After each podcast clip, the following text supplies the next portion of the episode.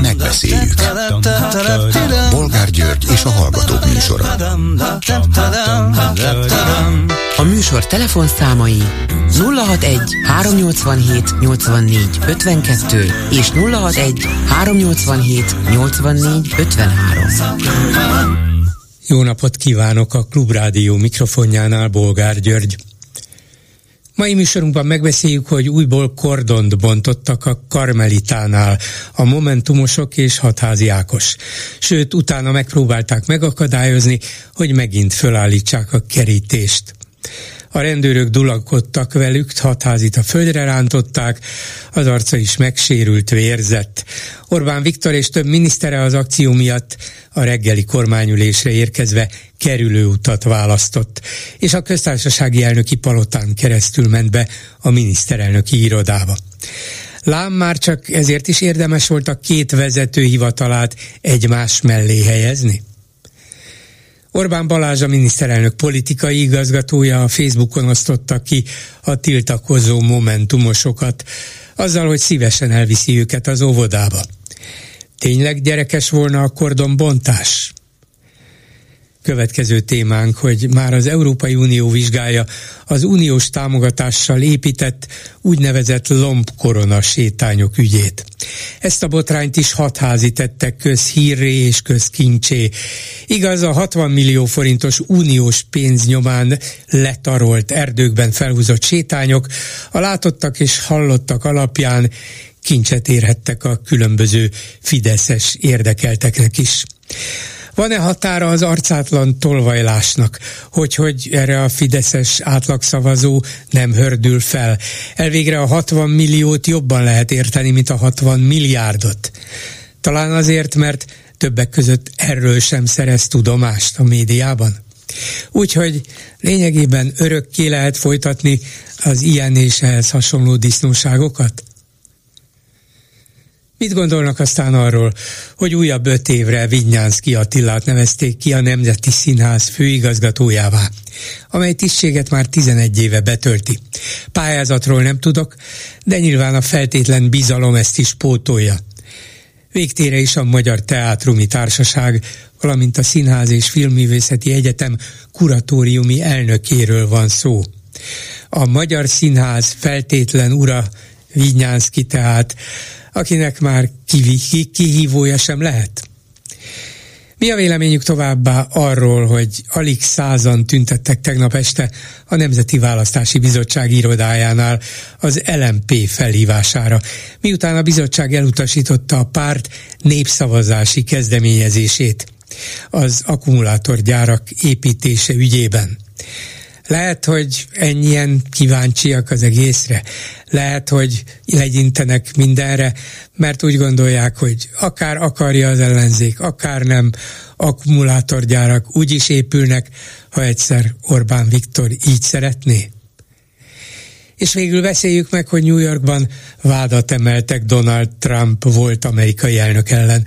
Trump természetesen minden vádat tagadott, és arra a következtetésre jutott, hogy az Egyesült Államok a pokolra jut. Ők is, nem csak mi. Telefonszámaink még egyszer 387 84 52 és 387 84 53 és mondok még egy számot, 107 millió 587 ezer forint, ennyi jött össze a számlánkon eddig a túlélési gyakorlatunkon. Élünk, élünk, élünk, de még nem egészen túl. Köszönjük szépen, a többi is önökön múlik. És egy hallgató a vonalban, jó napot kívánok! Jó napot kívánok, Bolgár úr, Takács Gábor vagyok. Parancsoljon! Hát hatháziékhoz csak annyit szeretnék mondani, hogy olyan ez, mikor egy évkorom csapat az utolsó másodpercekre lehozza a kapusát, minden mindegy. Nekik már tényleg minden mindegy.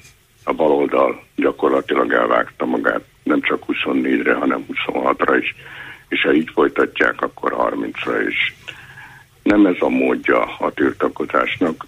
Az a száz ember, aki tegnap megjelent a RMP tüntetésén, jól mutatja ennek a az oldalnak az idézőjelben tömegbázisát. És az, hogy ki lop, Hát Gyurcsány maga ismerte el, hogy mindent megtesz azért, hogy Magyarország ne kapja meg az uniós pénzeket. Rendőri erőszakról pedig én nagyon-nagyon mélyen hallgatnék a baloldal helyében. Na, akkor vegyük sorjába. A Gyurcsány nem mondta azt, hogy mindent megtesz, hogy ne kapjunk pénzt, De hanem azt, azt mondta, hogy az Orbán kormány teljesítse az Unió által megszabott feltételeket, nem. és akkor jöjjön a pénz. De csak miután nem baj, fogja teljesíteni... Orbán Viktor, csak az a baj, hogy Orbán Viktor vagyonát ez a legkisebb mértékben sem zavarja, az ország pedig milliárdoktól esik el. Hát nem egészen így van, mert ha már a lombkorona sétányt is emlegette, ugye ezek teljesen haszontalan létesítmények, valószínűleg néhány millió forintból felhúzhatók voltak, ráadásul olyan helyekre, ahol lombkoronát már nem látni, mert az erdőt éppen kivágták körülötte. Polgár, Érdekes ez, módon ez Fideszes baloldal, képviselő, polgármester, stb. erdejében de olyan dolgokba kapaszkodik, aminek semmi jelentősége nincs, és tényleg nem érdekli a Na magyar de, embereket. Az LMP bocsánat, miért mondott, nincs ennek jelentősége, hogy ellopnak esetleg több tízmillió forintot? Miért? miért? Ki lop el? Hát ellopnak. Talán karácsony. Tessék, karácsony, Talán lop, karácsony. miért lombkorona sétányt épített nem, saját erdejében? Amelyik még mindig használhatatlan. Még Már mindig melyik? ott kopácsolnak. Melyik? 2020-ban kellett volna átadni. De most nem hallottam, én nem hallottam, hogy mi, mit nem adtak át? A láncirat, még mindig ja, ott kopácsolnak az oroszlánok körül. Mikorra kellett volna átadni? 2020-ban. Aha, 2000, 2019 novemberében. 2019 mondom, 2019 novemberében választották meg karácsonyt, és 2020-ra valóban kész lehetett volna, ha Tarlós István elkezdi a felújítást, de hát nem kezdte el. De a mostani, a mostani lánc... Nincs esélyük, hiába szeretne hangulatot kelteni, és szó nincs arról, hogy nem értesülünk. A 444 minden nap közzé teszi azokat Nagyon örülök, hogy ön olvassa a 444-et. Gyereket, amiket soros elvtárs pénzéből a tudomásunkra jut elveszett a baloldal 75 ot szerezne ma a Fidesz. És Nem, ezt, ezt, ezt még, ezt még, a, ezt még a néző, ezt mondom, ezt még, elég ezt, ezt még a Nézőpont Intézet sem meri állítani. Azt állította, hogy 52 ot szerezne a Fizet, Fidesz, nem 75-öt, csak miután az ellenzék szétesett. De, hanem a parlamentben. Igen, igen. Hát ön is tudja, hogy ez a a két szám De nem ugyanaz. Persze, hogy nem, én is tudom, csak so, sokszor a Fidesz oldalról úgy használják az egyiket, mintha a másik volna, de nem ugyanannyi támogatást szerezne, mint tavaly, csak miután az ellenzék nem együtt lépne föl, hanem szétesett, ez ma már praktikusan háromnegyedet jelentene a parlamentben. Ja, hogy a baloldal szétesett. Hát akkor jön azt mondja a Volgár úr, amit én. Hát én ezzel nem vitatkozom, szétesett, sok pártra esett szét. Ez a baloldal, vagy nem is annyira baloldal, mert vannak nem baloldaliak is köztük, az ellenzék hibája, hogy ne? Persze, ez, ebben egyetértünk. Csak abban, abban nem, hogy aki lombkorona sétányt épít a saját erdejébe 60 milliós Európai Uniós támogatással, valószínűleg az ár töred, ennek a támogatásnak a töredékért, ráadásul a lombkoronát sem lehet megtekinteni, az feltételezhetően nem tisztességes kártyalapokkal játszik. 19 előtt a stadionok ellen is beszéltek, ma már nagy a csend, hiszen Európa bajnoki ö, mérkőzéseket május 31-én Európa Liga döntőt rendeznek. Az atlétikai stadion ellen is a 200 országból érkezik 10 ezer atléta. Igen. Nem tudom, miről beszélnek. Hát például arról, hogy ez az atlétikai... Az UNESCO szerint az, az 50 leglátogatottabb műemlék között van a világon. Ha például hát arról, hogy ez az atlétikai stadion fölépül minimum 250 milliárdból, de minden bizonyal többből, és egyszer eljönnek erre a nyári atlétikai világbajnokságra valóban Igen, hát sok hát ezre. lenni. Igen, és az aztán... 896-os olimpiától Tokióig és a 2020 és aztán elmennek, ebben az országban, és aztán ebben az országban évente egy-két versenyt fognak rendezni. Maguk eltemették a magyar futballt is, azóta a Pradi már beírta a nevét, nem egyszer, Már mibe, mibe írta be? Európa De hova? történetébe. Európa történetébe a Fradi? Én még ezt nem láttam, ezt a könyvet. Hát maguk csak könyveket írnak, Gyurcsány is, ugye? Hát azt mondja, mondta, Európa történetébe beírta. Gondolom könyvben jelent meg. Nem. Nem. Mint ahogy vannak olyan történelmi bejegyzések is, amelyeket nem nyomtatnak ki, pláne nem az internet világába. Szóval bármennyire pályönöknek a Pradit májusban is ünnepelni fogjuk, még a Leverkusen ellen is ünnepeltük, hiába akarják lehúzni a magyar válogatott. Ott lesz a következő Európa bajnokságon, bármennyire. Én nagy, nagyon örülök, hogy a Ferencvár, Ferencváros, amelyik, amelyik 11 évből legalább 8 mindig külföldi játékos, nagyon örülök, hogy sikeres. Hát mivel szerencsére Kádár János ott van, ahol már nagyon régen lennie kellene, most már a Pradi nyugodtan nyerheti azokat ne, a dolgokat. Nem ott van szegény, mert a fejét ellopták. Nem nyerhetett. Igen. Egyébként 67-ben is Apradi volt a bajnok, 65-ben pedig megnyerte a vásárvárosok kupáját. Hadd ne mondjam, hogy milyen ellenszélben. Minden esetre a Ferencváros sokkal dicsőségesebb futballmúltat mondhat a magáénak, mint, amilyen, mint amilyen a jelene, de kétségtelenül javul, és a magyar futball is javul. Ahhoz képest, hogy körülbelül ezer milliárdot költöttek rá, ez a minimum. Hát nem egészen, mert a Bayern München a Freiburgtól kapott ki tegnap, az Ajax az Union Berlintől esett ki, az Inte, illetve... Mert ott nem a, csak egy csapat van, tudja, hanem sok. Barcelona, a Barcelona komoly gondokkal küzd, UEFA támogatás ellenére, és ezt mindenki tudja, csak hallgatnak róla.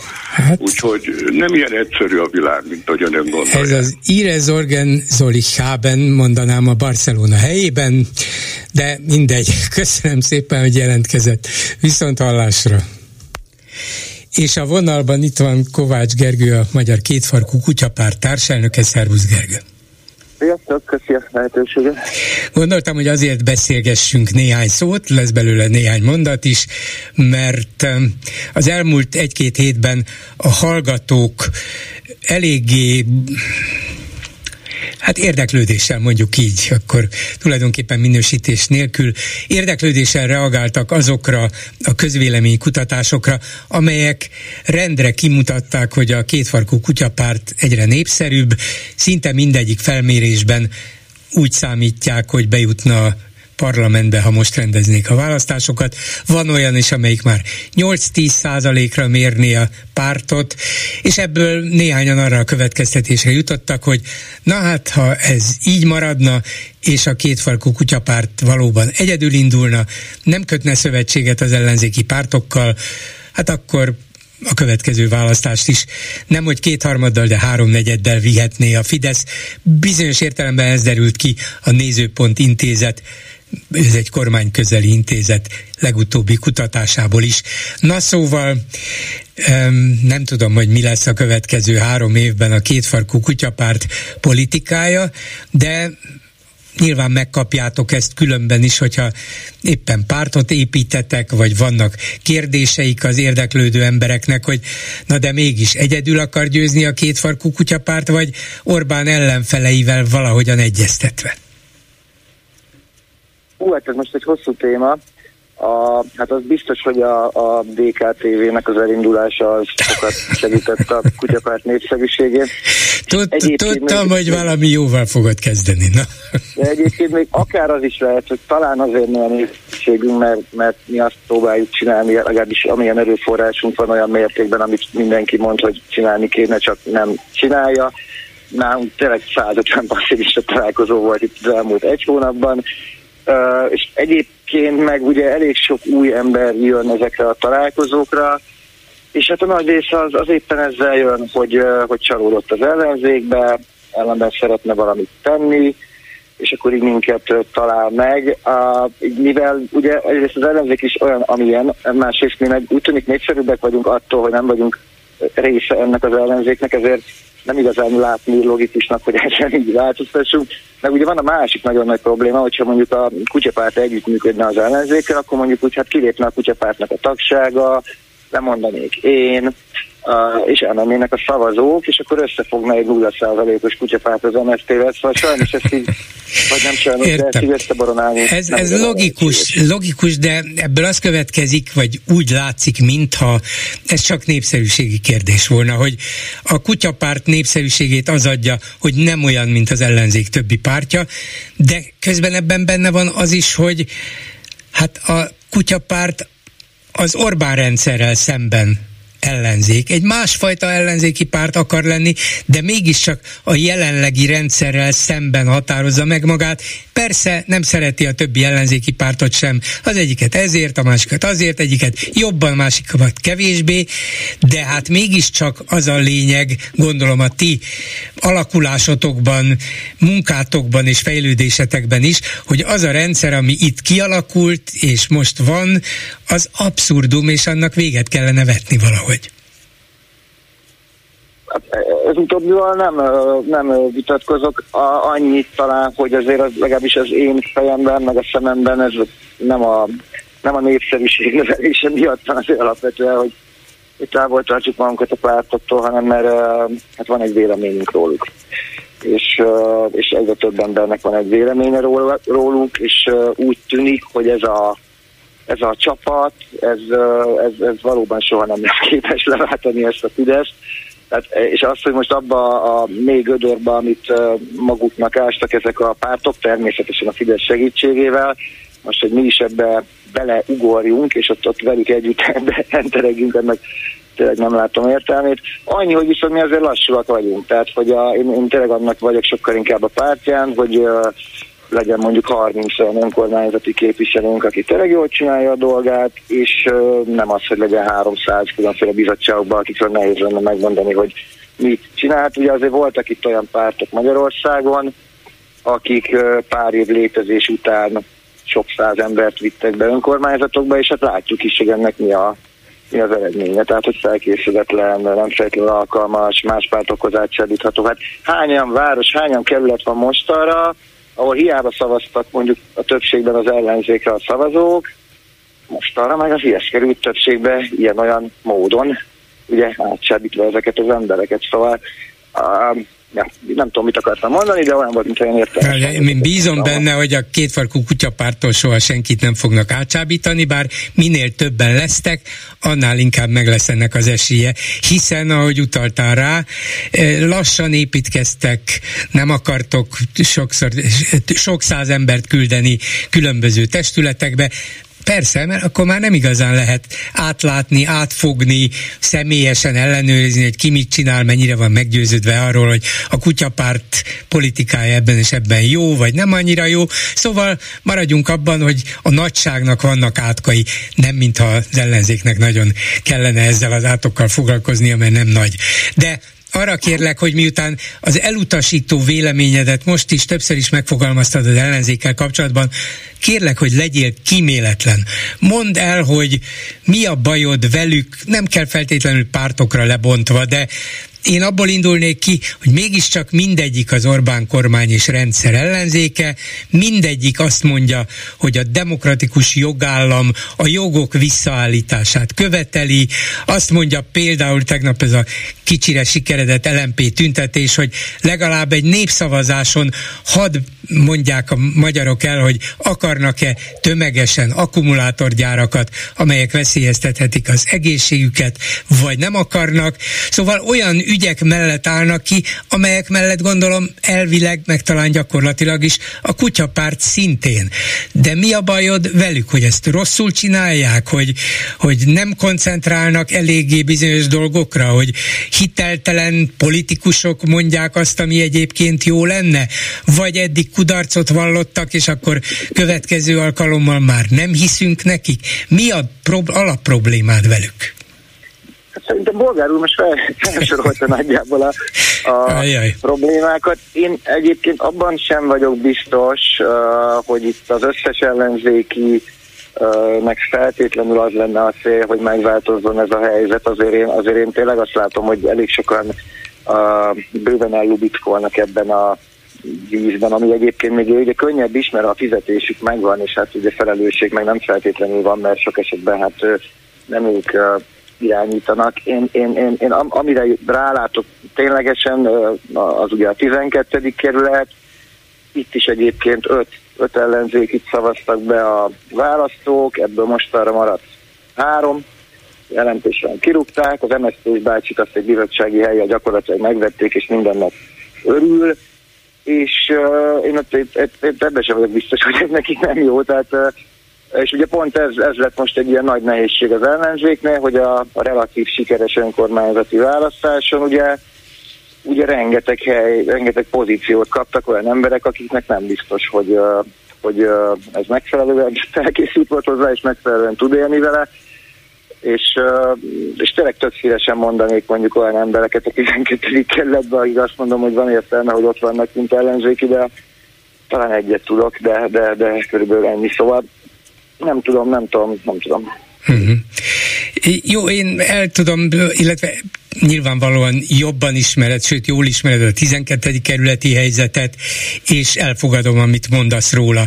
De az országos politikát figyelve függetlenül attól, hogy mindegyik ellenzéki vezetőről vagy politikusról meg lehet mindenkinek a saját különbejáratú jó vagy rossz véleménye, de azért mindegyikük alapvetően a jó dolgokat mondja. Olyan dolgokat mond, amik mellett szerintem nagyon könnyű érvelni, és a magyar társadalom jelentős része is akár elfogadná, ha hallaná őket, ha eljutna hozzájuk, vagy ha elég hatásosan mondanák. A kétfarkú kutyáknak mi a bajuk velük, hogy, hogy ők is alkalmatlanok, nem csak azok a mondjuk bácsikák, akiket az önkormányzatokba küldenek, mert nincs jobb?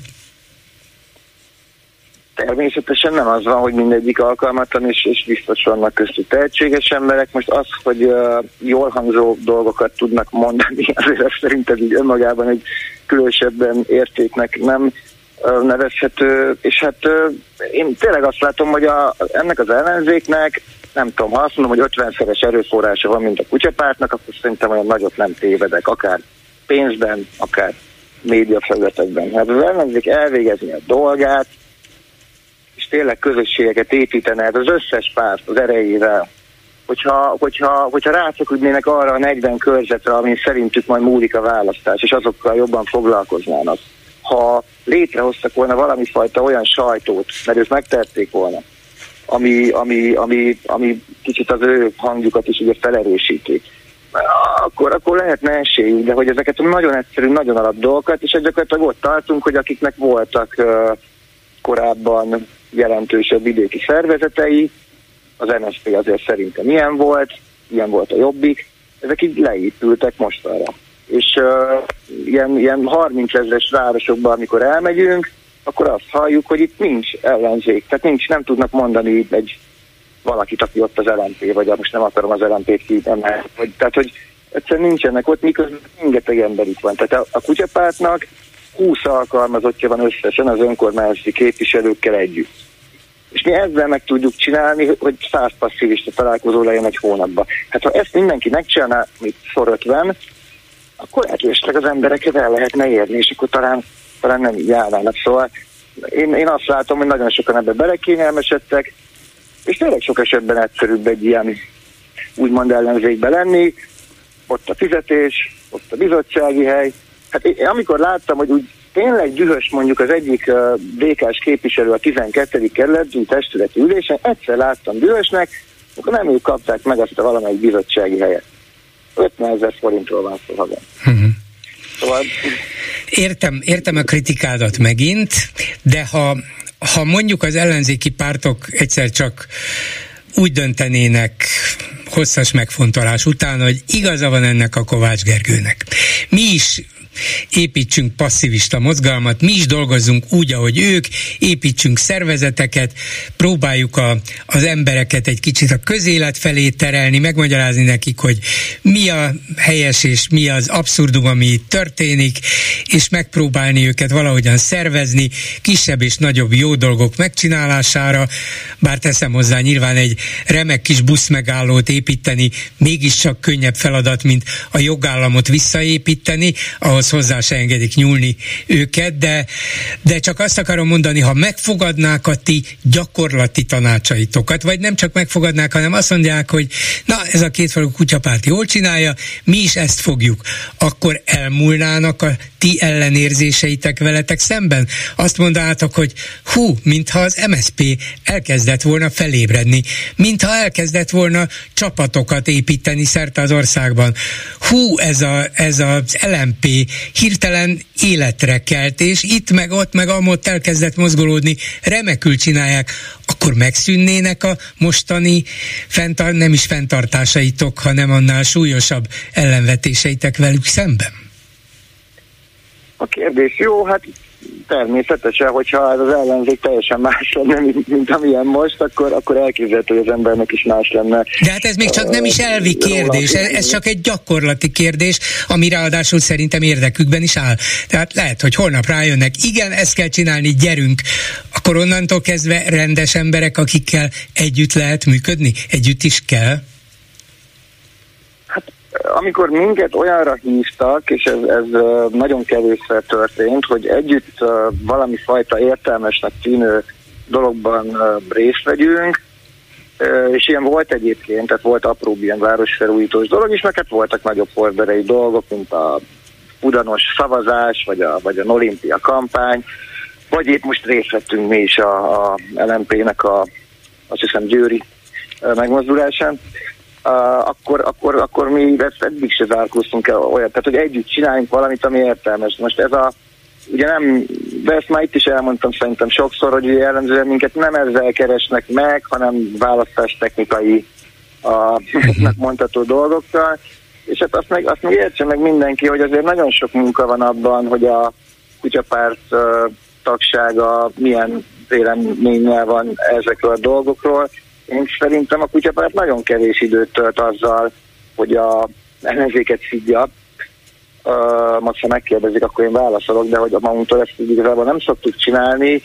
Ellenben, amit mi mondjuk így kaptunk így a választás előtti fél évben, a pártok uh, szócsöveitől, az, az tehát amikor, amikor, amikor Márkizai Péter azt gondolta, hogy hogy azzal, hogy minket elkezd baszogatni, azzal majd berántja a kutyapártot az összefogásba, hát Márkizai Péter azt érte el, hogy a, a teljes tagság tök egyöntetően szavazta meg most éppen két hónappal ezelőtt, hogy külön indulunk a választásra.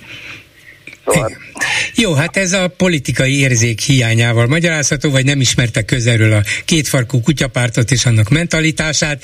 Értem, értem, értem, de akkor én reménykedve várom azt, hogy az ellenzéki pártok elkezdenek a terepen is sokkal aktívabban dolgozni, már csak azért is, mert szerintem nekik is jobb a győzelem, mint itt a, a vereségben néhány helyen osztozkodni és 50 ezer forintokat begyűjteni. Szerintem alapvetően nem ez az érdekük, hanem éppenséggel a győzelem, és ott sem csak a nagyobb pénz, hanem az is, hogy meg lehessen változtatni előnyére ezt az országot, de ha így lesz, akkor a kétfarkú kutyapártban nem ellenséget fognak találni, hanem partnert. Jól értem? Hát mondom, ezen a területen, ahol valami, igazából úgy azt mondani, mint előbb. Tehát, hogyha olyanra hívnak minket, hogy csináljunk valami értelmes dolgot, azt szerintem eddig se voltunk visszautasítóak, szóval Ja, meg egyébként ezt tök jól csinálni, tehát nem tudom, nekem ugye ezzel telik az életem hat éve, hogy heti három nap valami random városba vagyok, ilyen passzivista találkozókon, ahol ugye ötletelünk, hogy miket csináljunk, én egy csomó új ember, stb. Néha még sör is van. Ez alapvetően egy tök jó dolog, tehát nem is az van, hogy ez valami borzalmas meló lenne, úgyhogy ezt hajrá akkor, hogyha esetleg többet foglalkoznak. Jó, köszönöm szépen, akkor tényleg hajrá. Kovács Gergely, a Magyar Kétfarkú Kutyapárt társelnöke, szervusz, minden jót. Köszönöm, sziasztok. Háló, jó napot kívánok. Jó napot kívánok, Baranya Edith vagyok. Parancsoljon. Hát a ellenzék stratégiájához szeretnék hozzászólni, ugye annak kapcsán, a ürügyén, hogy kordonbontás is volt, de hát a kutyapártot sem tudom kihagyni. Tehát azt gondolom, hogy a csalódott fideszeseknek a problémája Márki Zainak is, és a kordonbontóknak is, az, hogy miért csalódtak a Fideszben, mert korrupt, mert lop, mert nem erkölcsi talapzaton áll, és és ezt próbálják felmutatni. Csak én azt gondolom, hogy ők nem tudnak sikerrel járni ezzel, ezzel a politikával.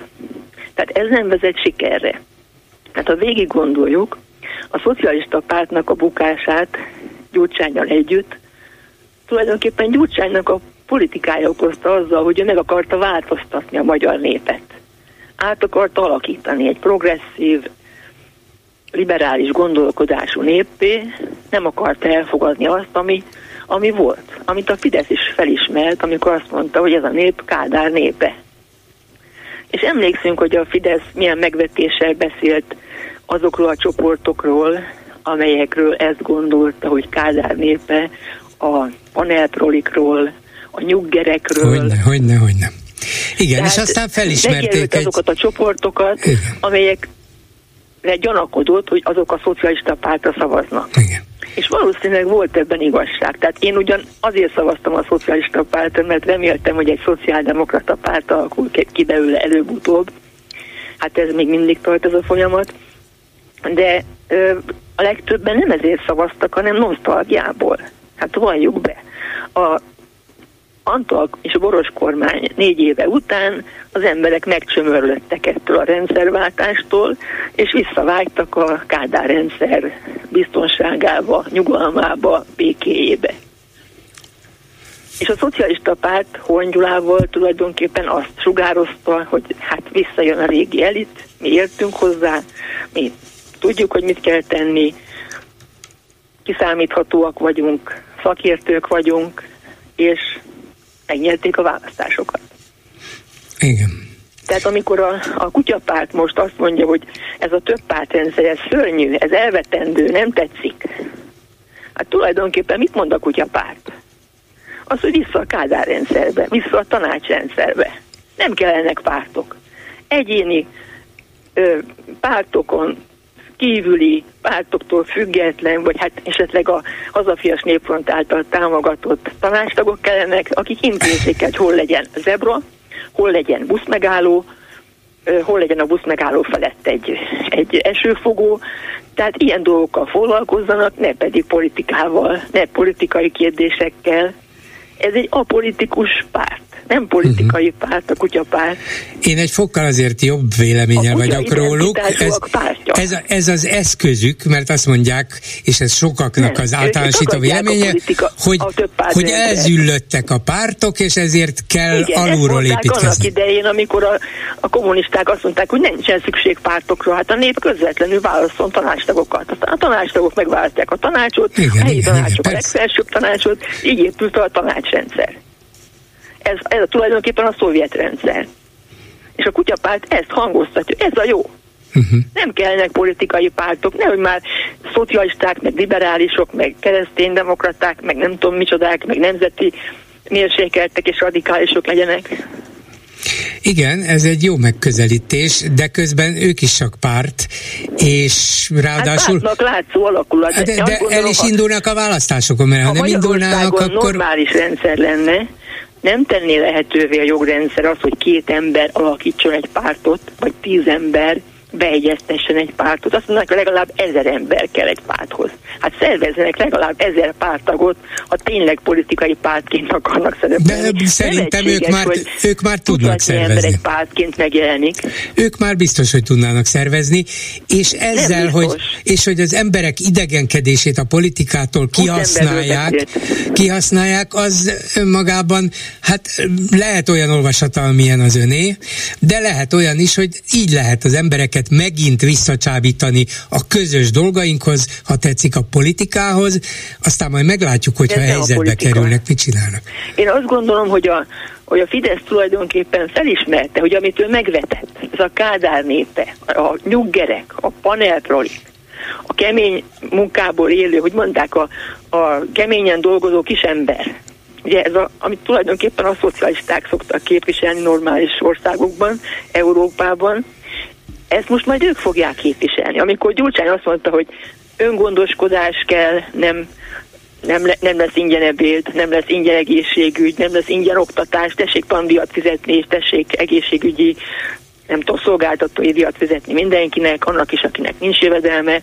Tehát amikor ilyen átnevelő programmal lépett fel, ilyen liberálisá akart átnevelni ezeket a Kádár népét, akkor azt mondta a Fidesz, hogy mi jobb szocialisták leszünk, mi megvédjük a társadalombiztosítást, mi megvédjük a nyugdíjakat, ugye, majd senkit nem adjunk az útszélén, és még egyébként azt is kitalálták, hogy baráti kapcsolatokat ápolunk a Szovjetunió jogutódjával, Oroszországgal. Mert hogy ez is benne van a dologban, Kádár népe nem akar úgy gondolni Oroszországra, hogy ellenség.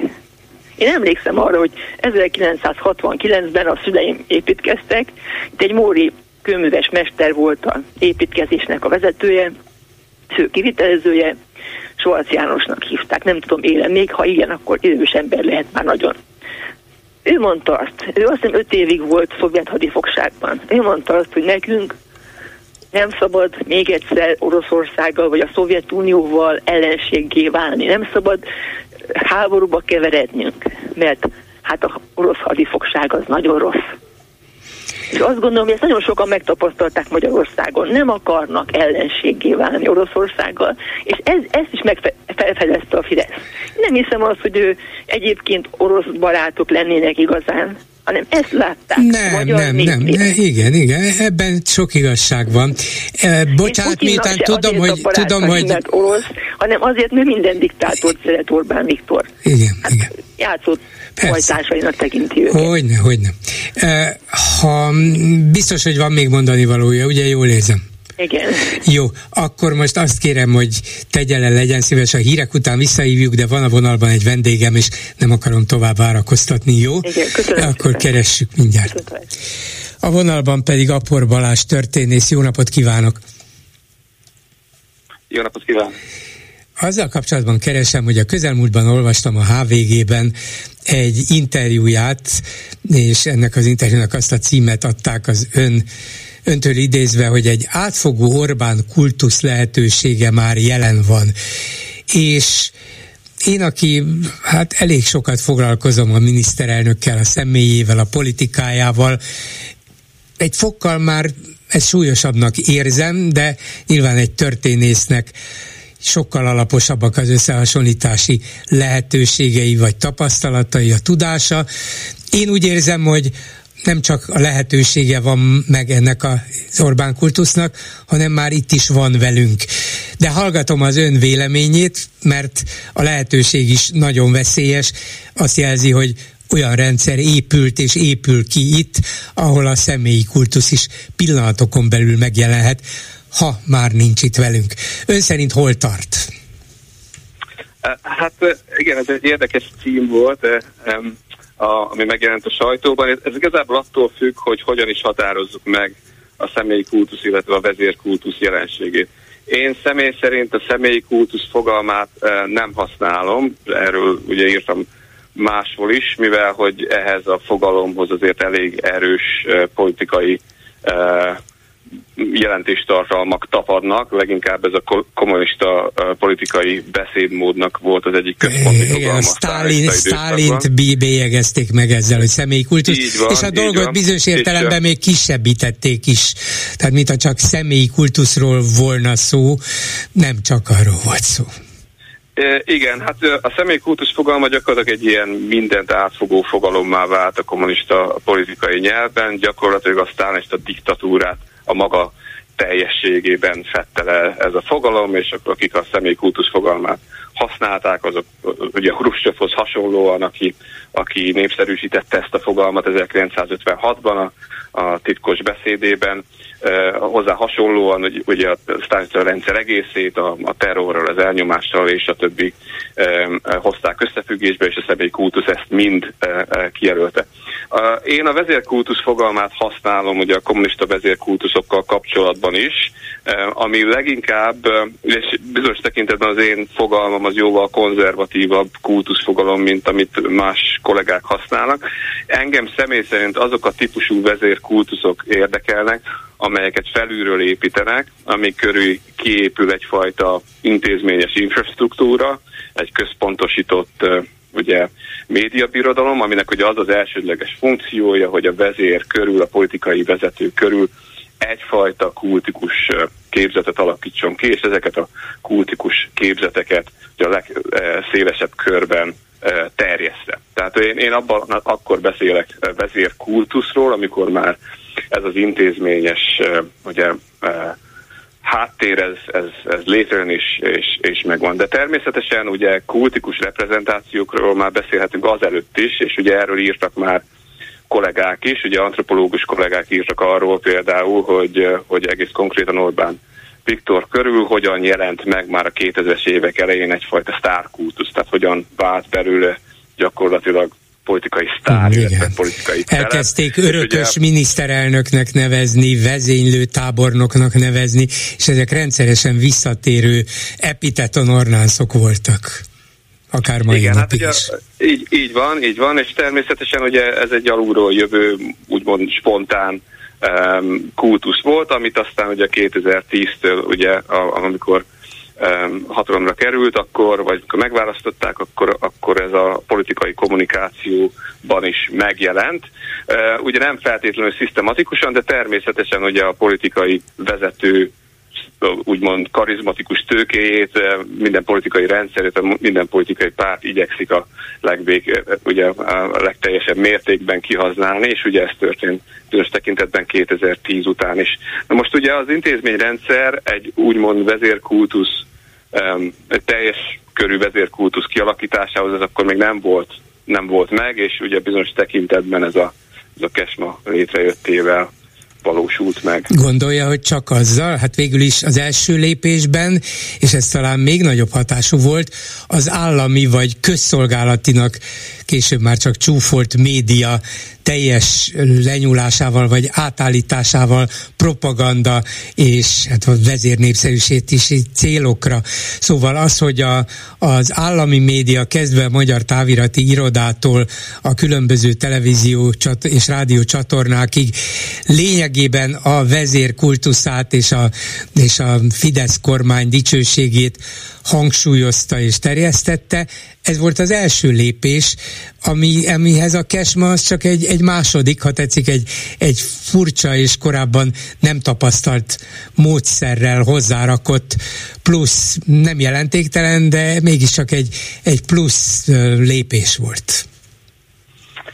Igen, persze ezen lehet vitatkozni, hogy hol is kezdődött, és ez bizonyos tekintetben minden kultuszra érvényes, ez egyébként még a Rákosi kultuszra is érvényes, hogy pontosan mikor is kezdődött ott a, a, a, a, a kommunista vezér összetársítása bizonyos kultikus jelzőkkel, és ez valószínűleg a, a jelen politikai rendszerre is igaz lesz, ezzel kapcsolatban szerintem még az elkövetkezendő évtizedekben is lesznek majd viták, hogy hol is, meg, meg miként kezdődött. Igazából nem csak arról van szó, hogy létrejön egy intézményes háttér, vagy egyfajta dominancia a, a, a médiában, hanem ugye az is fontos, hogy, hogy ezekben a kormányzati narratívákban, amiket ezek a ezekben a, ezeken a platformokon megjelennek, a vezető személyisége milyen e, súlyjal jelenik meg. Tehát, hogy milyen intenzitással jelennek meg a vezérképek, és hogy ezek a vezérképek milyen jellegűek.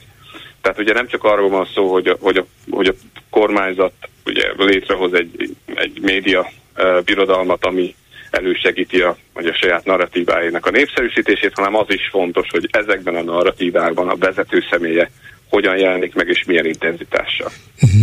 Én emlékszem, hogy már a második Orbán kormány megalakulása után nem sokkal, tehát 2010-ben, legkésőbb 11-ben Németországban már többen írtak arról, hogy ami itt kialakult Magyarországon, az egy füres stát, szóval egy vezérelvű állam, vagyis talán Németországból, ahol erre érzékenyebbek, világosabban látszott az, hogy milyen jellegű struktúrák alakulnak ki, és hogy épül fel maga a vezér, vagy építik fel magát a vezért.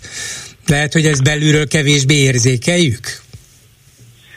Az is lehet, de egyébként hogy a, politológiai szakirodalom az elmúlt tíz évben azért töménytelen mennyiségű fogalmat szabadított ránk, és töménytelen mennyiségű fogalom, fogalom született ugye a, a modern populista rendszerekkel kapcsolatban, és ugye Magyarországot elég gyakran szokták ezekben a szövegekben példaként felhozni, ugye a, a, a hibrid rendszer az egyik leggyakoribb rendszer, amit, amit így Magyarországra is alkalmaztak politológus kollégák. Ami egyébként, amit magyar politológusok használtak ugye a rendszer működésével kapcsolatban, azt hiszem egy ilyen tíz éve jelent meg egy összefoglaló munka a magyar politikai rendszer működéséről 1989 után. Ebben ugye a 2010 utáni fejezet egész konkrétan vezérdemokráciaként e, értelmezi a, a, a, ugye a nemzeti együttműködés rendszerét, ami ugye arra utal, hogy ez egy olyan politikai rendszer, amelyben ugye a vezető szerepe kiemelkedő súlyjal jelenik meg, illetve a vezető szerepéhez társított, vagy vezető társított karizma gyakorlatilag a rendszer legitimitásának a, a legfőbb alapja. Tehát itt voltak éppen az, az a lényeg, hogy, hogy a rendszer tényleg politikáinak, illetve a, a különböző gazdaság, kulturális vagy, vagy, vagy, vagy külpolitikai politikáit elsősorban a vezető személyébe vetett hit legitimálja. Hogy látja most a dolgok állását a történelmi tapasztalatai alapján ez a vezérkultusz, ami itt kialakulóban van Magyarországon, vagy már ki is alakult, mennyire van alátámasztva azzal az intézményrendszerhez, amelyik a vezérkultuszt fent tudja tartani, létre tudja hozni és fent tudja tartani, hiszen azt látjuk, hogy Orbán Viktortól függ minden lényeges dolog, de nem biztos, hogy formálisan, hanem lehet, hogy csak informálisan. Tudjuk, hogy nélküle vagy az ő fejbólintása nélkül nem fogják kiválasztani az operaház főigazgatóját, de formálisan mégsem ő dönt róla. Nélküle nem lesz valaki a Nemzeti Színház főigazgatója sem, de formálisan mégsem hozzátartozik. Szóval miközben az intézményrendszer még lehet, hogy nem állt át erre, gyakorlatilag mégiscsak vezér van és vezérkultusz van, és nélküle talán a rendszer sem működne. Hát igen, az, az, az, az tény, hogy úgymond vezérközpontú ez a rendszer. Az, hogy most a belső dinamikája az hogy működik, ezt, ezt valószínűleg majd az utódaink fogják teljes mértékben feltérképezni, informális kapcsolatok és, és a többi, illetve hát ugye tényfeltáró újságírók foglalkoztak ezzel már már részletesebben. Az tény, hogy, hogy gyakorlatilag bár tehát nincs, nincs olyan fórum, nincs olyan intézmény, ami, ami mondjuk ellen tudna tartani ugye a, a miniszterelnök akaratának, tehát nincsenek olyan fékező mechanizmusok a, a, az intézményrendszerben, e, illetve hát formálisan vannak, de informálisan ezek, ezek ugye nem léteznek. Ugye ez, ez gyakorlatilag a legtöbb autoritár rendszerre igaz, és ugye az autoritár rendszereknek rengeteg formája van, ugye a jelenben is, és a, és a múltban is, ez gyakorlatilag ugye ez a úgymond legnépszerűbb a történelemben a legnépszerűbb, vagy leggyakoribb politikai, politikai szisztéma, és hát ugye számtalan változata és variációja van, van ennek. Az, hogy most ez, hogy valószínűleg a, a rendszer az az túl tudna élni mondjuk a, a vezető távozását, az mindig kérdéses, és ugye ehhez azért jóval többet kéne tudnunk arról, hogy volt képen, hogy ez működik ez a rendszer. Tehát ugye a, minél diktatórikusabb egy rendszer, annál nagyobb az esélye, hogy összeomlik, hogyha ugye a, uh-huh. a vezető, vezetőt leváltják, vagy, vagy, vagy a vezető elhalálozik, mondjuk a sztálista rendszer esetében, vagy, vagy akár még Magyarországon is, ugye a, a, a Rákosi rendszer bűnös tekintetben azért 56-ban omlott össze, akkor is, hogyha ezt elkezdték már vissza fogni 1953-ban. Tehát, hogy az ilyen fejnehéz rendszerek esetében, a, a, amikor ugye a vezetés, a vezető személye, a vezető személybe vetett hit is megkérdőjeleződhet, akkor, akkor azért nagy eséllyel lép fel valamilyen politikai vagy gazdasági válság. Akkor egy utolsó kérdésem lehet, hogy tud rá röviden válaszolni, lehet, hogy egyáltalán nem. Mikor kapjunk a szívünkhöz, mikor, minek alapján, milyen jelre érezhetjük úgy, hogy na, Magyarországon akkor véglegesen kiépült a, az a vezérkultusz, aminek megvan már az intézményes háttere is, akkor, amikor a békemeneteken már Orbán arcképek százaival, ezreivel vonulnak föl, szóval milyen jelre legyünk érzékenyek? akkor legyünk érzékenyek szerintem, amikor ezek a, ezek a, ezek a jelek, ezek a képzett társítások a hivatalos médiában fognak megjelenni napi szinten. Tehát amikor mondjuk a, esetleg a vezetőnek lesz 60. vagy 70. születésnapja, és, és ugye oda majd kirendelnek iskolás gyerekeket, akkor tényleg kapjunk a fejünkhöz, de szerintem erre nem fog azért sor kerülni. Köszönöm szépen a Balázs történésznek, viszont hallásra! Én köszönöm, viszont hallásra! Háló, jó napot kívánok! Jó napot kívánok! Ja igen, visszahívtuk. Parancsolj. Igen, hát akkor folytatnám, ha lehet. Tehát én azt gondolom, hogy az ellenzék veszőfutásának a legfőbb oka az, hogy elfogadja a Fidesz játékszabályait mindenben. Elfogadja a stílusát, azt mondják, hogy hajrá Magyarország.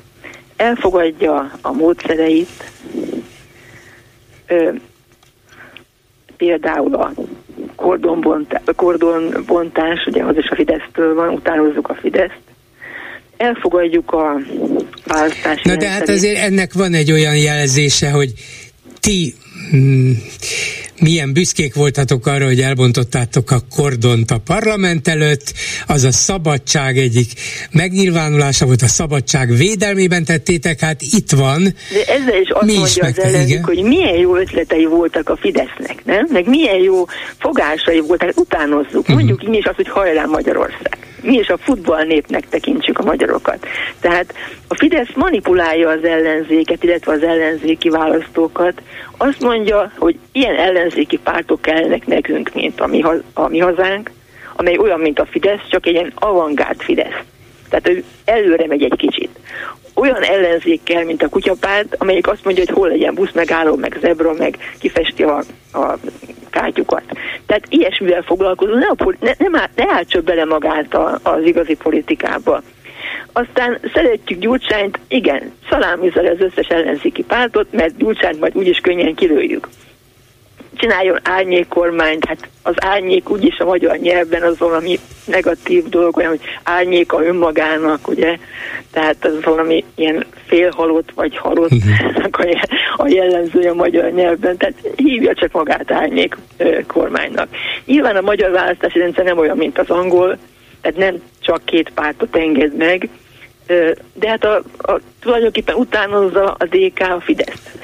Leszállízza a saját oldalán levő pártokat, elcsábítja, megvásárolja a megvásárolható embereket, vagy a saját pártjukban már levitézdetteket, akiknek a karrierje már túl van a, a delelőjén, azokat magához csábítja. Emlékszünk, így tette a Fidesz a, a Demokrata Fórummal, magához édesgette a keresztény demokraták közül azokat, akik ilyenek voltak, ilyen megvásárolható mameluk emberek, létrehozta a mamelukok pártját, akik aztán kritika nélkül mindenben támogatják a vezét, hiszen nem lehet már önálló véleményük, ha átálltak a másik párthoz. Tehát ezt a Fidesznek a rendszerét követi az ellenzék, meg elfogadja ezt a szembenállást, hogy gyűlöljük egymást, hogy vessük meg a másikat. Hát az buta, az, az tanulatlan, az nem érti a világot, az tájékozatlan a másik volt, ezt mondja a Fidesz is. Meg az korrupt. A Fidesz is azt mondja az ellenzékről, hát ezt sugározzák, hát előhozzák Ganspergert, a ősfideszes háttérembert, az egyik legfontosabb gazdasági emberét a Fidesznek, egykori APVST elnököt, a Fidesz korszakból, és azt mondja rá, hogy baloldali. És az ő szájából milyen meggyőzően hat az, hogy a baloldaliak milyen korruptak, meg hogy nem csinálnak semmit. Tehát ezt, ezt, a, ezt a szembenálló módszert, ezt a polgárháborús légkört elfogadja az ellenzék vezető ereje, a DK. És azt mondja, mi vagyunk a legradikálisabbak, mi aztán elpusztítjuk a másik oldalt. Ők is minket. Hát vívjunk már háborút egymással. És azt gondolom, hogy ezt kell elvetni, ezt a politikát. Nem szabad elfogadni a Fidesznek a játékszabályait, a választási rendszerét se. Az egyetlen egy párt által kitalált választási rendszert, amely megöli az ellenzék lehetőségeit. Hát az ellenzékben több párt van. Jó, jó, jó, jó, de nem fogadjuk el, és akkor, akkor mit csinálunk egy saját választást? Hogy, hogy el, Ezt követeljék szerintem. Hát, de Ennek hiába követelik. kell szórakozni. Rendben van, ne bontsanak kordont, mert minek? Mert azt ne, a Fidesz csinálta. dolgok. De, de ezek igen. mellékes dolgok. Na de ha akárhányan, akárhol, akármennyiszer követelik azt, hogy változtassák meg a választási rendszer, nem, nem fogják. Állandóan állandóan kell. Jó, állandóan. Hát ebben a választási rendszerben egy ellenzéki kispártra egyetlen egy mandátumához négyszer, ötször annyi Persze, igen, van szükség, igen. mint a Fidesz. De ha állandóan csak ezt mondják, a harmadik nap megunják az emberek, azt mondják, hogy ezt már hallottuk. Miért nem csinál valamit az ellenzék? De nem az kell, hogy az emberek hallják, hanem hogy ezt elérjék ezt a célt. De hogy, ér, hát hogy érhetnék el, amikor hát, a amilyen hatalom... csak alkalmazni lehet. De nincsenek. Petíciót, aláírásgyűjtést. De minden nagyon okosan, nagyon okosan végig. Ha erről lemondanak, akkor soha nem tudják nagyon jól végig elemezte a helyzetet. De amikor azt mondja, hogy követeljék a választási rendszer megváltoztatását, akkor illúziókat kerget. Nem, nem fogják, mert ez nem. nekik kedves. Mert a Fidesznek is jobb lenne. Dehogy lenne. Az, azért, mert nem tudna az ellenzék se kétharmaddal győzni. Tehát nem tudná éppen, a Fidesz épp elég, ha... úgy lebontani, hogy mindenkit börtönbe vágjanak. Ezt ők nem ők tudhatják. Azt gondolhatják, hogyha elveszítik a hatalmat, akkor ki tudja, mi jön itt. Nem azon gondolkoznak, hogy de, ó, de, de jó lesz, nem, nem lesz kétharmadok. Hanem éppen csak esetleg 51 százaléka. És, nem és tudja akkor... átalakítani úgy a rendszert, hogy a fideszeseket Hát, hát, ha olyan, fél, hát ha olyan rendőr... attól félnek, hogy börtönbe kerülnek. Hát, ha olyan rendőrkapitány nevez ki, az az 51%-kal hatalomra került kormány, aki elkezdi őket üldözni, és le fogja őket hát tartóztatni, és azt, hogy, ki hogy tudja, a, mi a Trump lesz. ügyben mit csinálnak, hogy azt mondják, hogy egy koncepciós ügy, és ők kiállnak Trump mellett. Hát nem lehet az, hogy egy volt elnököt letartóztassanak valami csip-csup ilyen bordélyügy miatt. Hát Igen. nem lehet. Már... Tehát ők attól félnek a legjobban, hogy elveszítik a hatalmat, akkor elveszítik a vagyonukat, elveszítik a hátterüket, elveszítik a karrierjüket, De hát épp ezért nem, vál... ezért nem változtatják meg a választási rendszert. Na de hát éppen az kéne, ha arányos választási rendszer van, akkor a Fidesz most vígan győzne. Na, hát hát mo- legfeljebb kell neki egy koalíciós partner, most, mondjuk igen, a mi igen, igen, igen, a igen. kutyapárt. De, de, de most nem komolyan... kell attól félni, hogy elveszíti a hatalmat. Hát mondja, mondja ezt, nem kényszerülne rá erre a szerencsétlen összefogásra, hogy egészen más képviselőpártokat, különböző érdekű társadalmi rétegeket képviselő pártokat összekényszerítsen és összemosson valami De hát ez szürkévé. tökéletesen megfelel a Fidesznek. Hát miért képzeljük azt, de hogy de akkor inkább, azt, inkább hogy valami csinálni, ami a normálisabbat? Jó. Hogy nekünk támogatni kell, el kell fogadni a Fidesz játékszabályt, a kell elfogadni. a stílusát, mindent. Nem, nem hát fogadják nem, el a választási ezt a, rendszert ezt a sem. el kell fogadni, Csak hogy nem gyűlök, mindenki nem szabadna gyűlölni a fideszes választókat, nem szabadna megvetni őket, nem szabad hogy buták. Nem, hát meg akarjuk őket tudják, nyerni. Persze. Meg akarjuk őket nyerni, de azt ne remélje senki, hogy majd rábeszéljük a Fideszt, ha sokszor mondjuk, hogy változtassátok már meg a választási de rendszert. nem azt kéne, hogy változtassátok meg, nem könyörögni kéne nekik. Hát amikor egy hallgatom a parlamenti közvetítést, hogy egy felszólal egy ellenzéki képviselő, és szinte könyörög, hogy hát nem. hát lássák be már a fideszesek, hogy, hogy valami jót, nem fogják belátni, nem arra válaszolnak, ami az interpelláció vagy a kérdés, hanem arra használják fel ezeket a lehetőségeket, hogy az ellenzéket rágalmazzák, mocskolják, lejárassák. De ha Tehát 50... nem, nem lehet a Fidesztől, nem, nem engedményt kell kérni. Nem, nem, nem, de mondani, ha 57-en kórusban követelik, akkor fölállnak és kimennek. ön nem érti ezt a politikát nem, szerintem. Nem, nem, nem, én nem értem. Nem, nem kérni kell, hanem azt kell mondani, hogy mi csak egy olyan választási rendszerben vagyunk hajlandók indulni, amit nem a Fidesz egyedül állított össze. Igen, erre a Fidesz azt mondja, akkor majd indul más. Jó napot kívánok! Hát induljon, akkor induljon a kutyapárt ja. meg a mi hazánk. Na, de hát, és akkor az lesz, hát értse meg, hogy akkor az lesz, és őt, ott lesz az ellenzék balról és jobbról. Megvan. Nem, akkor legfeljebb nem a parlamentben lesz az ellenzék. Hát, és még annyi esélye se lesz, mint most. De így sincs esélye a parlamentben, ja. semmit nem tud elérni. Csak az, hogy a Fidesznek a céltáblájává válik, és mocskolásának, rágalmazásának a céltáblájává. Nevetségesé teszi a Fidesz, mert megvan rá az eszköze, a propaganda gépezete. Ez, ez semmit nem ér. Köszönöm szépen, minden jót, viszont hallásra. Én is, viszont hallásra.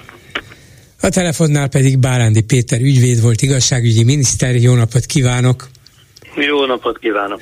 Ma ismét kordont bontottak a miniszterelnök hivatalánál, a Várban, az egykori Karmelita Kolostornál Orbán Viktor nem is ott ment be a főbejáraton, hanem tiszteletét tette Novák Katalin köztársasági elnöknél, nem tudom, hogy otthon volt-e, vagy csak úgy bement egy titkos járaton az egyik épületből a másikba. No mindegy, a lényeg az, hogy kordont bontottak, és azóta már nyilván vissza is épült. Van például az előző hallgatónk, aki úgy gondolja, hogy ezt teljesen felesleges csinálni, ettől nem változik semmi. Ez a Fidesz módszere. Na és akkor itt lépek be én, hogy kérdezzek öntől, Emlékszik még, hogy hogy is volt az, amikor, amikor 2007, ha jól emlékszem, februárjában Orbán Viktor és sok más fideszes társa a parlament köré felhúzott, vagy elé felhúzott rendőrkordont elkezdték lebontani, majd utána a bíróság elé is kerültek. Mivel, hogyan és mi lett a vége? Hát ha jól emlékszem, akkor ott egy szabálysértés eh, ként kezelték ezt, a, ezt az ügyet, és akként lett valamilyen módon vége. Nekem akkor is az volt a véleményem, hogy ez nem szabálysértés, hanem bűncselekmény, most is az a véleményem. Ugye ez egy, a, a kordonnak a kihelyezése, az egy hatósági rendelkezés. Miről szól? Arról, hogy a hatóság azt mondja, hogy erre pedig ne tessék menni. Ha azt valaki lebontja, nyilván nagy nyilvánosság előtt, hiszen az utcán, vagy a várban, vagy a, a Kossuth téren, eh, ahol vagy jelen van sok ember, vagy legalábbis megvan annak a, a lehetősége, hogy sok ember eh, értesüljön erről a magatartásról, és akkor, amikor lebontom ezt a, ezt a eh, kordont, ami tehát egy hatósági rendelkezés, akkor egy általános engedetlenségre hívok föl a hatóság ezen rendelkezése ellen. Amennyiben ez a köznyugalom megzavarására alkalmas, ezt kell elbírálni az adott ügyekben, akkor ez bizony e, a BTK megfelelő e, diszpozícióját kimeríti. Tény, hogy változott a a jogszabály, ugye a régi BTK-ban törvény vagy hatósági rendelkezés elleni izgatás volt, a mostaniban csak a hatósági rendelkezés elleni uszítás, de egyébként a hatósági rendelkezés tekintetében, tehát a törvény tekintetében változott, de hatósági rendelkezés tekintetében változatlan. E, és egy, egy ilyen magatartás az bizony a, a hogy is mondjam, egy negatív e, érzelm, érzelem kialakítására alkalmas magatartás, egy olyan negatív érzelem kialakítására, ami ezen rendelkezés ellen fellépésre uszít. Az nem jelent különbséget itt a két dolog összehasonlításakor, hogy 2006 őszén ugye az ismert események nyomán a, a parlament előtti Kossuth téren tüntetők százai táboroztak heteken keresztül, és fenyegették is a szám, vagy a nekik nem tetsző politikusokat, képviselőket. Aztán volt az október 23-ai ünnepség, ahol erőszakkal kellett őket eltávolítani az ünnepségek helyszínéről, ahol volt vagy 50 külföldi vezető, államfő, király, mindenféle és ott gyakorlatilag a biztonságot, a politikusok meg állami vezetők biztonságát fenyegető események folytatásának megakadályozásáról volt szó. Hogy aztán ez mennyiben volt igazolható hosszabb időn keresztül, ez egy másik kérdés, de végül is ott mindenféle pártállású politikus biztonságát védve húzták föl, állították föl ezt a kordont.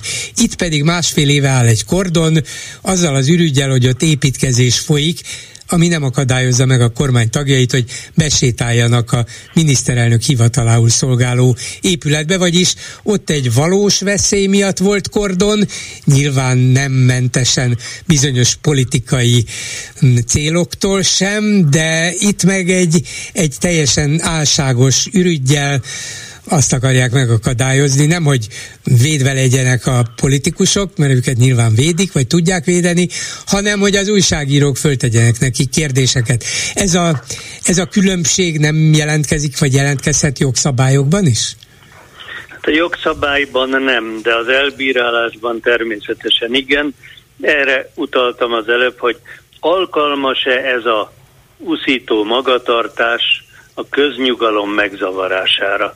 Ezt nyilván az adott esetben kell ezt a e, rendelkezést tükröztetni a, a megfelelő e, történeti tényállásra, tehát arra, ami történt.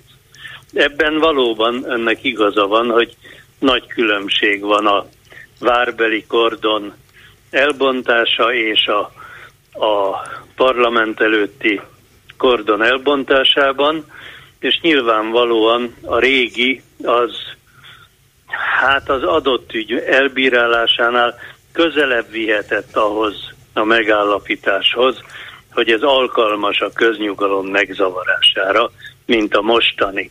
De hát azt mondom, hogy ez a ítélő az ítélő mester mérlegelésétől függ. Igen, ha jól emlékszem, annak ez, ide... a, igen. ez, a, ez a bűncselekmény jöhetett szóba akkor is, és jöhet szóba most is. Annak idején, ha, attól, hogy ki csinálja. Ha jól emlékszem, Sólyom László köztársasági elnök is azonnal jogellenesnek nevezte a fideszes képviselők akcióját, és valami olyan érvelése volt, hogy egy jogállamot nem lehet nem jogállami eszközökkel szolgálni vagy megvédeni. Ugyanakkor végén a bíróság, megint csak az emlékeimre hagyatkozom, mint hogyha ejtette volna az ügyet legalábbis annyiban, hogy jó, lehet, hogy történt valami szabálysértés, de de hát ez nem volt bűncselekmény, és nem volt a társadalom nyugalmának, vagy a rendnek a megzavarására alkalmas, alkalmas, ugye? És ezért aztán nem volt semmiféle felelősségre vonás sem. Én ezzel nem értettem egyet akkor sem, most is ez az álláspontom. Tehát most is felelősségre lehetne vonni a mostani kordonelbontókat, vagy ez, az vagy ez egy másik? az, hogy feltétlenül ugyanúgy, ahogy akkor, most is szóba jöhet ennek a kicsit megváltozott e, bűncselekménynek a megállapíthatósága, hogy megállapítható-e tehát, hogy a konkrét ügyben a büntetőjogi felelősség megáll-e, ezt az adott ügyben a, először az ügyészségnek, aztán a bíróságnak kell, kellene elbírálni, és kellett volna elbírálni.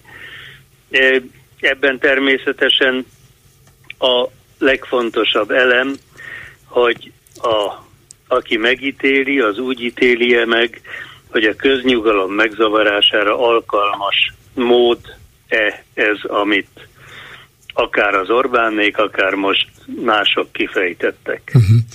De hogyha például a miniszterelnök politikai igazgatója azt írja, hogy gyerekek elviszlek benneteket az óvodába, akkor az olyan, mintha ők maguk sem tartanák a köznyugalom megzavarására alkalmas cselekedetnek a kordonbontást, hanem legfeljebb csak egy gyerekes csínynek, nem?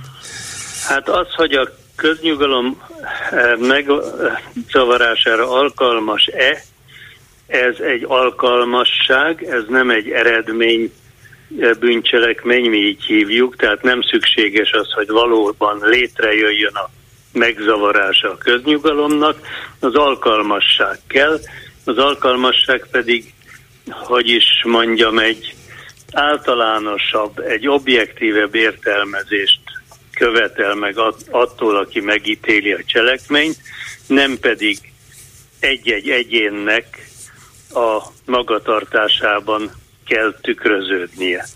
Ehhez képest már csak egy apróság, de talán ez se érdektelen, mert hatházi Ákos fizikai kontaktusba került rendőrökkel, a földre is rántották, vagy esett, nem tudom, az arcát is megsértette, úgyhogy vérzett. Szóval egy parlamenti képviselővel szemben a rendőr alkalmazhat fizikai erőszakot, ha az illető mondjuk a kordont vagy le akarja bontani, vagy meg akarja akadályozni, hogy mások visszaépítsék?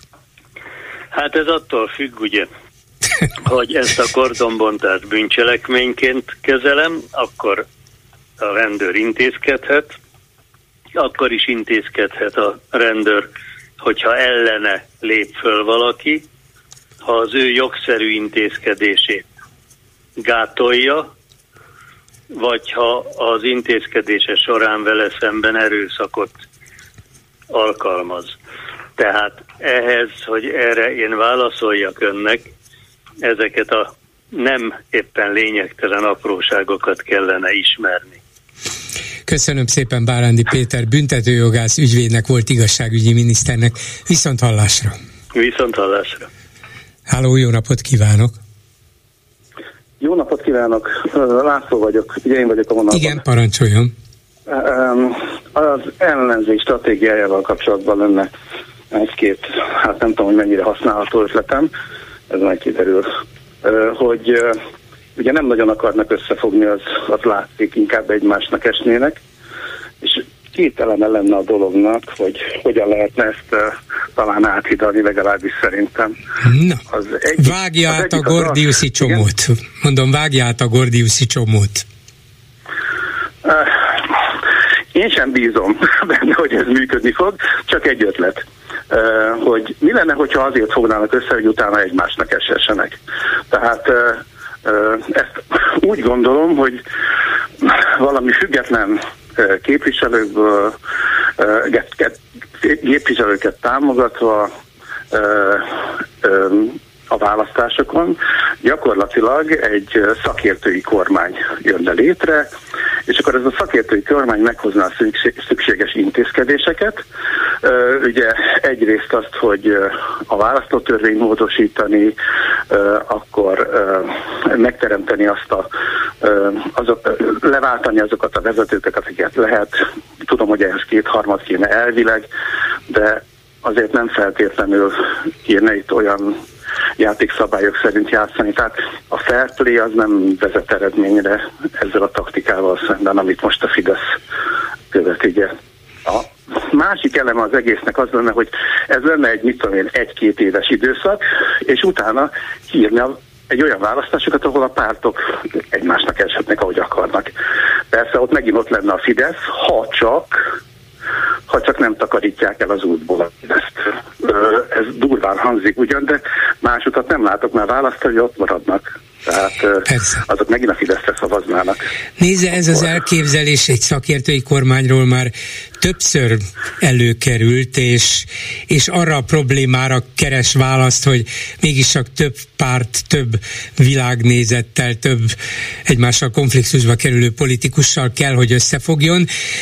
De ez lehet is egy megoldás átmeneti időre, de addig mi lesz? Hogy nyer az ellenzék választást? Akár csak 51 százalékkal.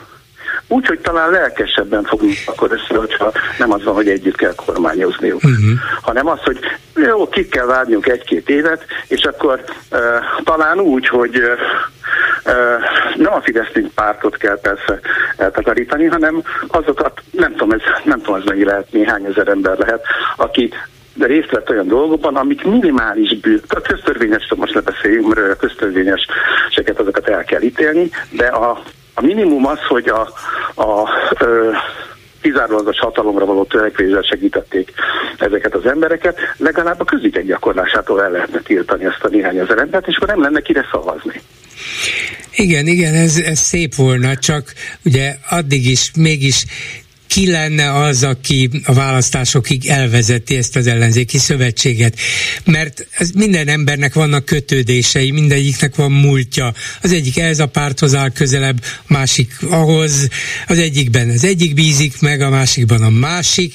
Rögtön előjönnek a konfliktusok, akkor is, hogyha nem egy pártember vezeti ezt az ellenzéki szövetséget, hanem egy párton kívülálló, de annak is vannak szimpátiái és antipátiái, és ezzel mindenki tisztában lenne. Ez, ez, ez, teljesen, ez teljesen igaz, azért mondtam, hogy sántít ez a dolog, amit én mondani uh-huh. akarok, de, de hát... Jó, hát lehet, hogy erre felé kell menni, igen.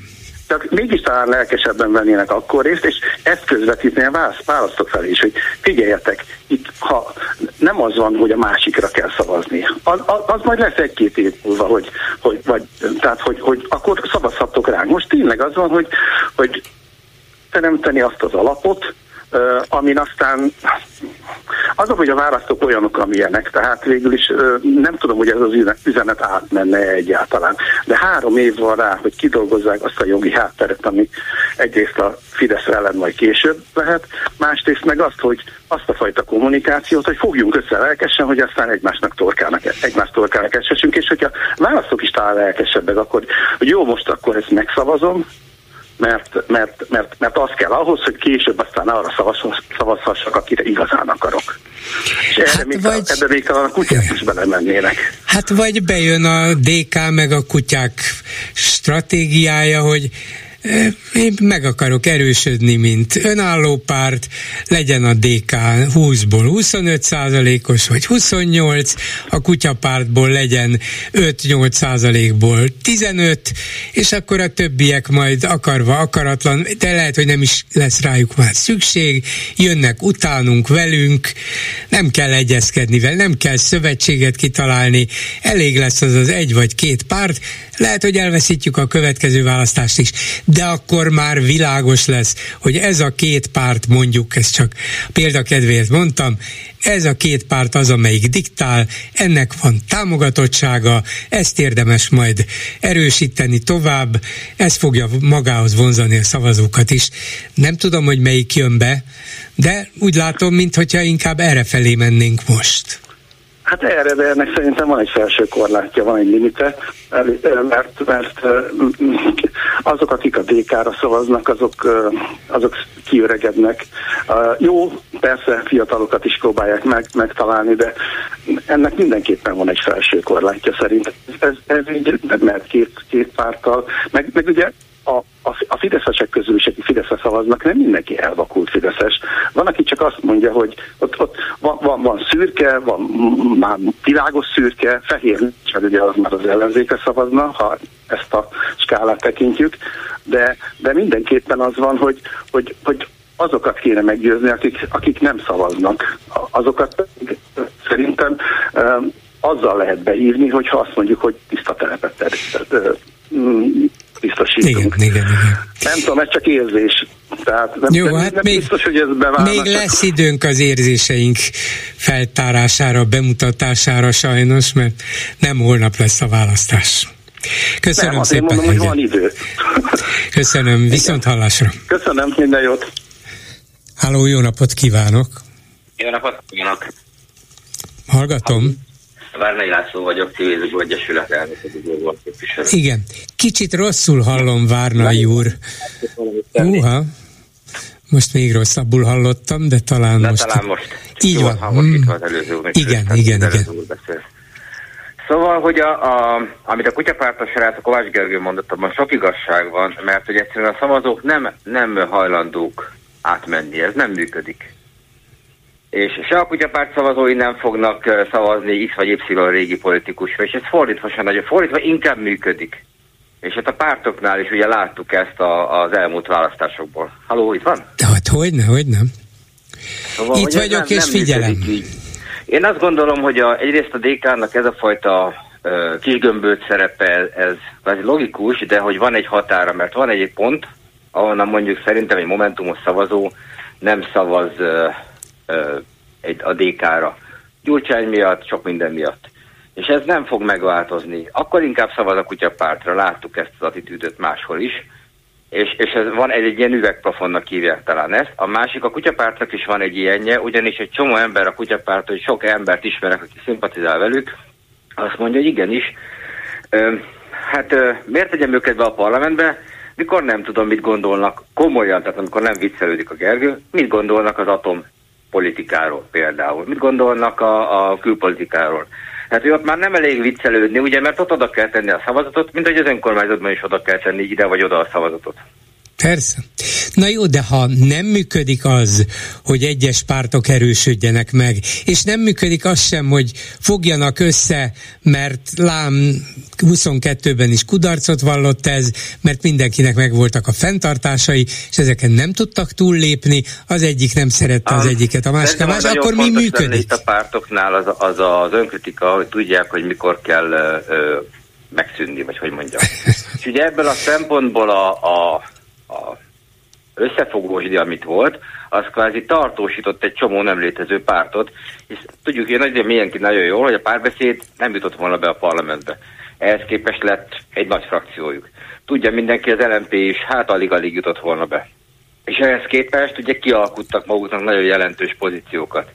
És ez a fajta munka, és ezt tök jól mondja a Kovács Gergő, hogy amelyik párt nem végez terepmunkát, az megszűnik. Egyszer javaslom önnek, hogy kérdezze meg valamelyik párbeszédes politikust, hogy tényleg valójában hány aktív tagjuk van. Kérdezze meg egy jelentést.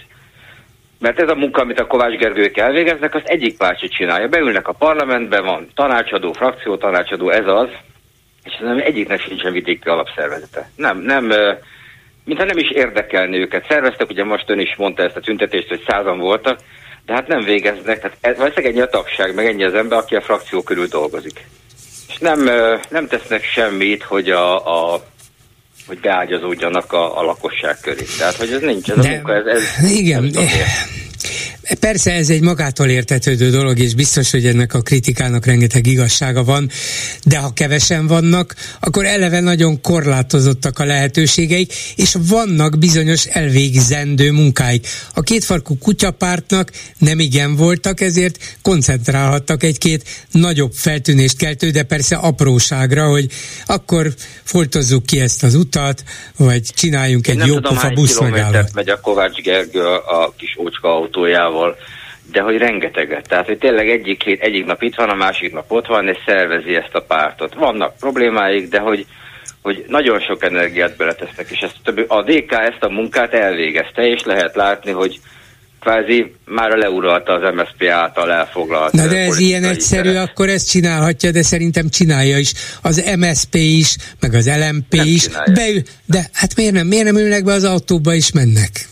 Ön nem, nem ülnek be, mert most ha ironikus akarok ak- lenni, akkor azt mondom, hogy beülnek a repülőbe és elmennek. Nem, nem, nem, nem. De, de, de, nem, hát egy, egy Komjáti Imréről biztos nem a gondolja. Komjáti Imrét jó, hogy mondja, ő egy kivétel, aki az igazi ö, egyszerű baloldal testesíti meg, de ha megnézi az összes többi ö, pártvezetőt, ugye Tóbiás Na de ő kilépett, volt. kilépett a Na jó, de miért? Mert, mert rajta kapták a Tenerife-nél most lehet sorolni a, a mi polgármesterünktől sok, sokat, hogy elég, elég elitista módon élnek és, és viselkednek, és amikor a nép közé vegyülnek a bosszos cipőben, az nem mindig megy át, és nem is nagyon teszik meg.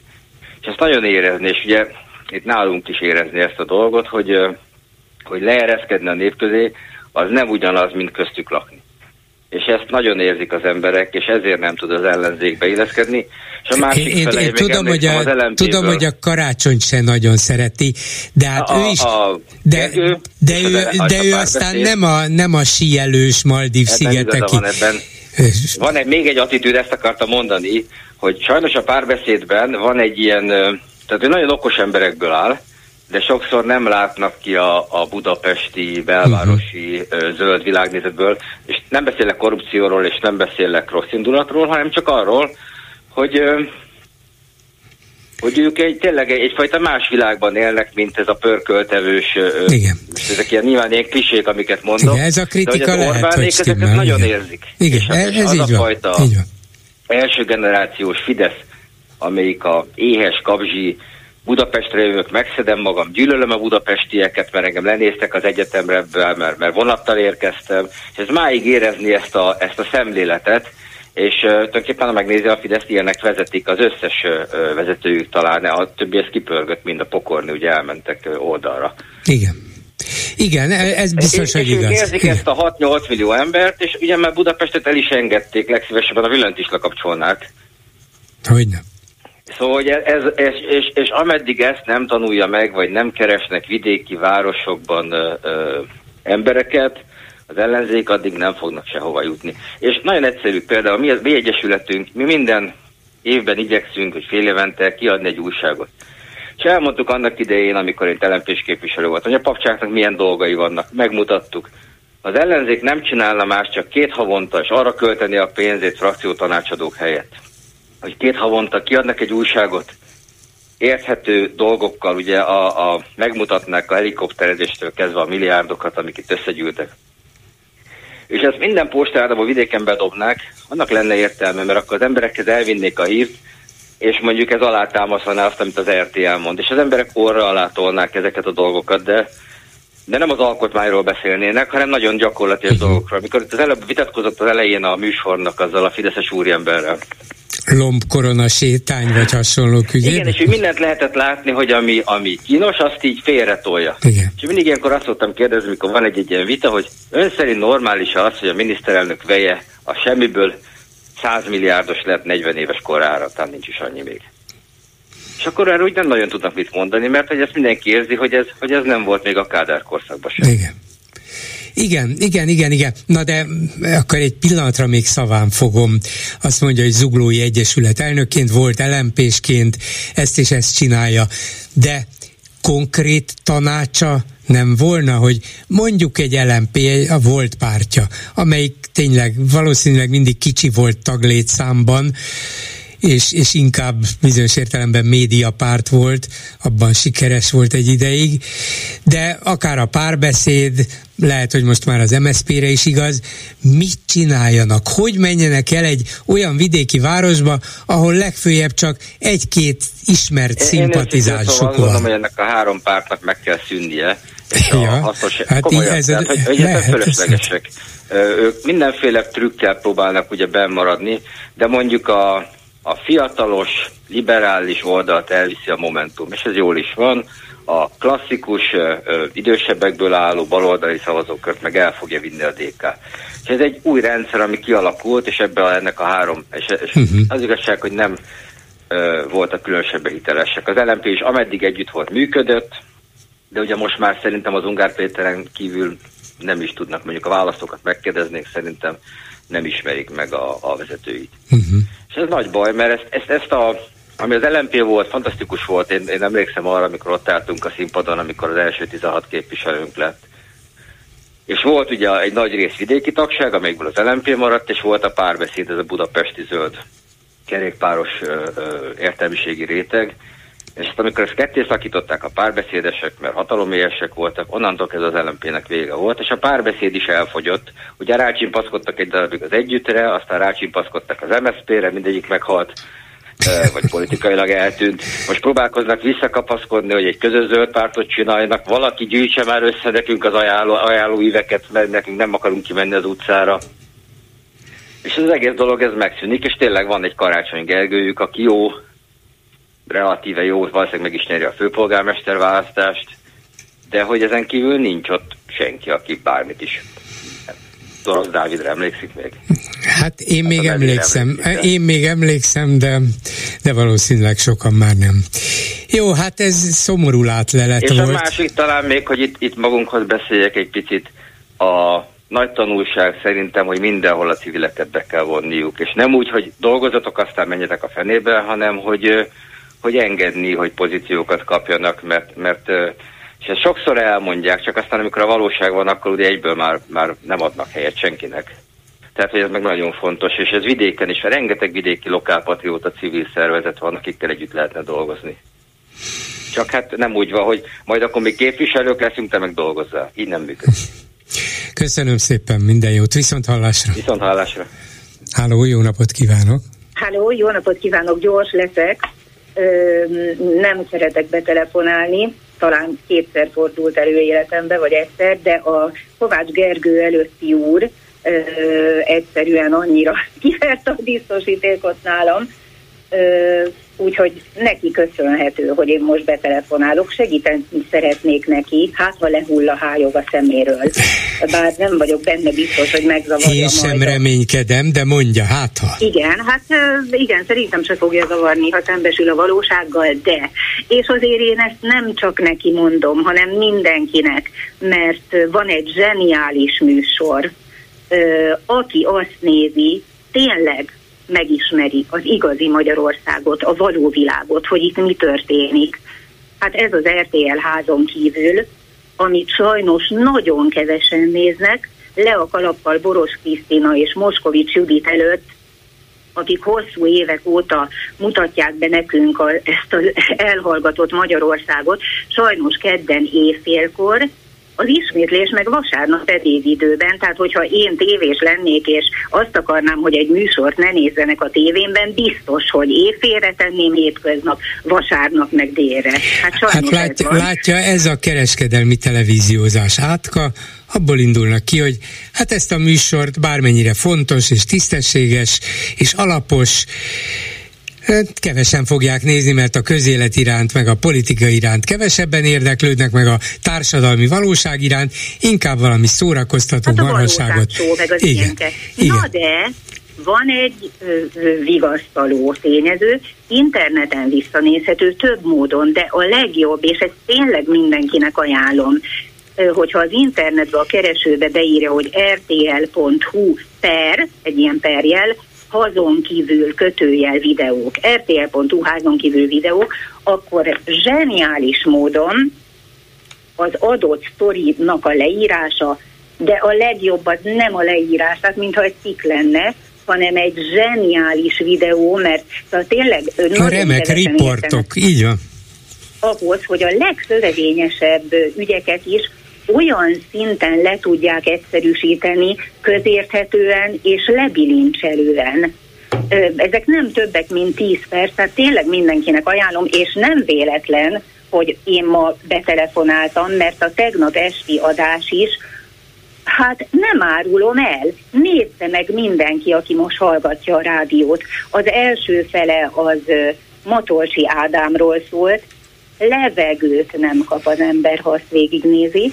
A második nem csak a miniszterelnök veje gazdagodott meg egész feltűnő módon, hanem a Bizony. jegybank elnök fia is. Ez, ez egész elképesztő. A másik pedig, a második riport pedig egy, szintén nem hallottam még erről sehol, a második kerületi polgármester, most a nevére nem emlékszem. Őrsi Gergely. Igen, igen, igen. Tehát vele készül, készült egy riport, leleplezett egy még az előző ciklus, Fidesz ciklus alatt, de valami olyan elképesztő, tehát legyen ez olyan, mint egy ajánló, nem mondom el a részleteket, de hát mindenkinek ajánlom, hogy nézze meg, különösen annak az úrnak, aki Kovács Gergely előtt betelefonált, csak vegyen be, be előtte egy nyugtatót, mert nagyon fel fogja zaklatni. Hát, és egyébként, ha az ellenzéki politikusoknak lenne egy csöt eszük, ami sajnos nem igen van, akkor mindegyik a Rizsa Dumái helyett a saját Facebookján minden héten föltenné ezt, de akár régebbi adásokat, a Fertőtóról, olyan megdöbbentő első riport 21-ben készült, és most nemrég 23-ban a másik, tehát pótolhatatlan ez a műsor aranybánya ebben a szörnyű média helyzetben, de hát az ellenzék még erre is képtelen, hogy ezt kihasználja. Köszönöm, hogy fölhívta rájuk a figyelmet. Köszönöm. Köszönöm szépen. Viszont hallásra. Viszont hallásra. A Facebookon mit írnak Lőrinc Saba? Szia Gyuri, köszöntöm a hallgatókat. A legtöbb komment, mint azt a hallgatóink is sejthetik, a két ominózus betelefonáló személyét bírálta. Ezek még az én olyan arcomra spircsaltak, úgyhogy inkább csak a legvállalhatóbbakat olvasom be. Gyuribá, irigylem az ön végtelen türelmét. Ez az első. Na, hát nem folytom a szót a hallgatókba. Tulajdonképpen azért van ez a műsor, hogy beszéljenek. Tudom, hogy nem mindenkinek tetszik. Sokszor nekem sem tetszik, de beszélni mindenkinek joga van. A másik, bete, a másik komment ismét a betelefonálókról szólt. Ő egy örkény részletet vágott be. Hivatalos kormányközlemény a kommunizmus eszméjének világméretű győzelme után Balog 2 István, a bábolnai állami gazdaság lócsutakolója megkezdte rendes évit szabadságát. Zárójelben Magyar Távirati Iroda. Igen. Egy Amerikában élő hallgatónk Trump megjegyzésével kapcsolatban írt valamit. A macska rúgja meg. Most, hogy megtudtam, hogy pokolra fogunk jutni, kell keressek egy új országot, ahol tudok majd élni. Hát ez az, de ott van Oroszország, szerintem Putyin nem mondta, hogy az is a pokolra jut, meg különben is lehet, hogy Trump úgy gondolja, hogy az Egyesült Államok pokolra jut, de Oroszország, na ott van remény. Igen, arról az, ember, arról az elnökről beszélünk, aki Észak-Koreát olyan csodálatra méltónak tartotta elnöksége ideje hát alá? Talán Észak-Koreát nem, de az ő kiváló diktátor elnöküket igen. A kormány a lelkét is kiteszi, hogy elhajtsa végre az összes pedagógust, orvost, egészségügyi dolgozót, így a következő kommentelő, de ezek csak tanítanak, meg gyógyítanak fest. És csak viszik a pénzt, ahogy Gulyás miniszter oly szépen megfogalmazta, az oktatás nem befektetés, hanem költség. Ezt mondta volna Gulyás, hogy nem befektetés? Mondott ilyet. Igen? Igen. Úgy látszik, az ő szavai se jutnak el teljes egészükben hozzám. Pótlom. Őszentsége Ferenc pápa értesül azon eseményekről, amik itt történnek? A kordon akkor is ott lesz, amikor a pápa megy a Karmelitába és a Sándor palotába? Várjuk ki a végét. A végén még kitiltják a látogatás idejére a baloldalt Budapest területéről, de akár az országból is. Szerintem a pápa nem fog a Karmelita kolostorba menni, már csak azért sem, mert az már nem kolostor, úgyhogy nem vonul oda. Hmm. És akkor végére még egy gondolat. A mai hírekben lehetett hallani, hogy Orbán Viktor megint megtalálta a kiskaput az egyenes út helyett a karmélta hivatalába tartva. Ez jellemzi az életét, az egész politikai hozzáállását. Ő a kiskapuk embere. Igen, de mennyi van neki? Az a baj, hogy ez az ország is kicsit olyan, mint ha a kiskapukból állna. Köszönöm. Ez volna a komment szekció. És még egy betelefonáló a vonalban. Jó napot kívánok! Halló, én, én itt vagyok, kívánok. ön is. Jó. Halljuk egymást. Uh, Bolgár úr, az időre való tekintetet gyorsan mondanám, uh, volt korábban egy heves hozzászólás egy hölgy részéről, majd utána elhangzott egy Gordiuszi csomó megoldás, Igen. ezzel kapcsolatosan két rövid vélemény, meg két uh, tipp. Az egyik az, hogy az önműsorán most már több év hallgattam gyakorlatilag, érzek egyfajta beletörődés, egyfajta apátiát abba, hogy ezt a parlamentet, ezt így el kell fogadnunk, ez így működik. Én személy szerint azon a véleményen vagyok, ahol már azt hibásnak véltem, hogy letették az ellenzéki pártok képviselői az esküt, mert asszisztálnak, kollaborálnak ennek a rendszernek a fenntartásához. Az ön szájából elhangzott egy pár perccel ezelőtt, hogy van még időnk, ezen mi erről még tudunk beszélgetni.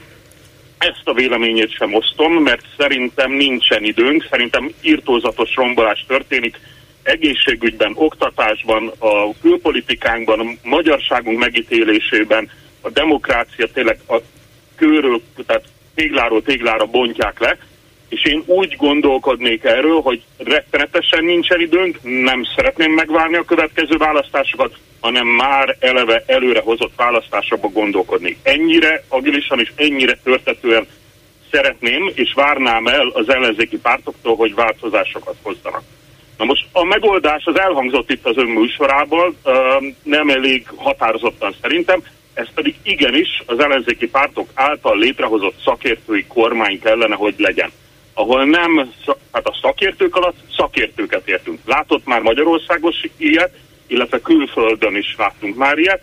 Itt nem a párt szimpátia, hanem, hanem a szakértelem számítana. Egy olyan szakértő kormány, aki másfél-két év alatt helyére tudja hozni, restaurálni tudja a magyarországi demokráciát, és a saját szakterület, szakterületén a szükséges, releváns, gyors intézkedéseket meg tudja hozni, hogy ne butuljon el a nép, hogy a média helyre legyen állítva, hogy a kórházi ellátás helyreálljon, és ne a stadionok épüljenek, meg a, nem tudom, a nyaralók, meg a kastélyok, meg egyebek, mert, mert tényleg lemaradóban az ország.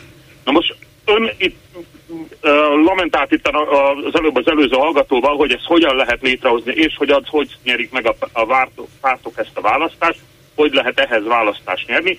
Nagyon egyszerű, nekünk, mint választóknak meg kell követelnünk minden egyes pártól az együttműködést. Az együtt nem működést, az büntetem. Számomra az a párt, aki nem hajlandó egy ellenzéki kerekasztalhoz leülni, hogy szakértők neveit kiválaszták, és nem egy saját árnyék kormányt hozzanak létre, hanem egy közös ellenzéki szakértői kormányt tudjanak megválasztani, és őket árnyék kormányként tudják működtetni egészen egy előrehozott választásokig, én azt a pártot büntetem, és hogy ezt mindannyian megtennénk, akkor lehet, hogy az összes mai párt a sülyeztőbe köt neki, de létrejönnének olyanok, akik együttműködnek. És ez az együttműködés volna a megkövetelt minimum, ami után létrejönne egy másfél-két éves szakértői kormány, aki helyreállítaná a demokráciát, és utána jöhetnének ezek a pártok, és ahogy itt korábban egy hozzászóló mondta, versenyezhetnének egymással, vagy most akkor a kétfarkú kutya szimpatikusabb nekem, vagy éppen Gyurcsány Ferenc és sorolhatnám. De ezek a lépések elengedhetetlenek és szükségesek szerintem.